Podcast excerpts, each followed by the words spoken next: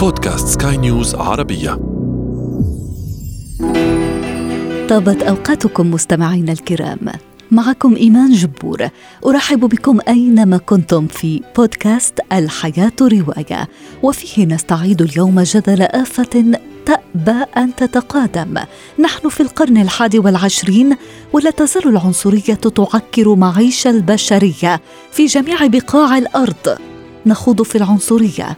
كما جاءت في إبداعات أدبية. الحياة رواية. قال الشاعر الفرنسي جاك بريفير العنصرية والكراهية غير مدرجة في الخطايا السبع المميتة لكنها مع ذلك الأسوأ على الإطلاق. بين الاختلاف والخلاف عالم من التسامح والمودة. نتحدث اليوم عن آفة البشرية. العنصرية. اولا الطبيعة العفوية للأطفال ليست عنصرية. لا يولد الطفل عنصريا. أقرأ لكم من لو راسيزم إكسبليكي ما فيه.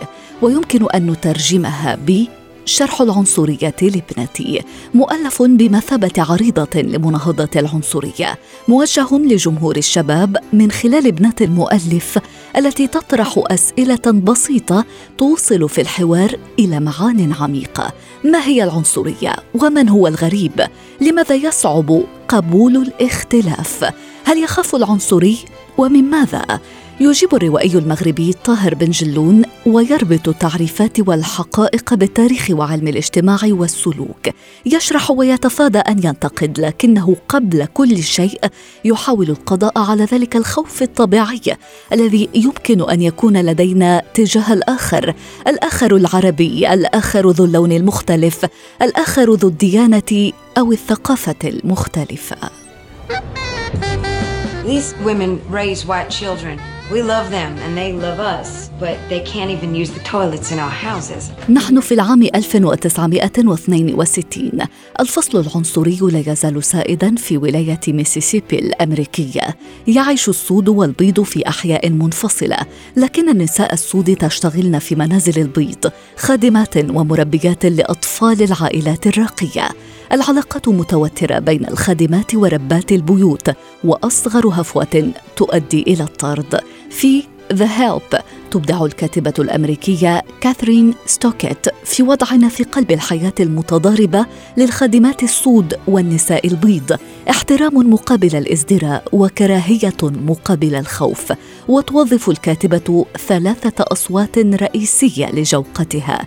الحكمة متمثلة في مواقف آيبلين والثورة الغاضبة متمثلة في ميني ونبرة السذاجة الصريحة سكيتر.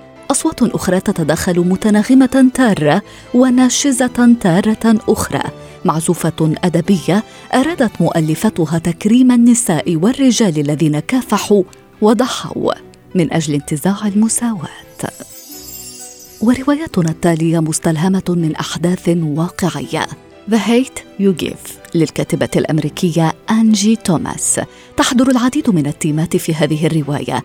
العنصرية والشرخ بين مجتمع السود والبيض في الولايات المتحدة وبينهما تحاول العديد من العائلات النفاذ بجلدها من بطش العصابات التي تدير أماكن معينة وغالبا ما تترك الجثث خلفها. وفي خضم مناخ الخوف الذي يسود مراهقة سوداء. ستار تدرس في ثانوية للبيض حيث تعيش كل يوم الانقسامات بين هذين العالمين إلى أن تشهد ذات مساء مقتل صديقها خليل. أمام ناظريها تخترق ظهره ثلاث رصاصات من مسدس شرطي يشتعل الحي بعد هذه الواقعة. وبينما تحاول الشرطة دفن القضية سيتعين على ستار أن تجد طريقها. تقول الراوية أخبرني أبي ذات يوم بأن جميع الرجال السود يحملون بداخلهم غضب أسلافهم، ذاك الغضب المنبثق عن عجزهم أمام تجارة الرقيق.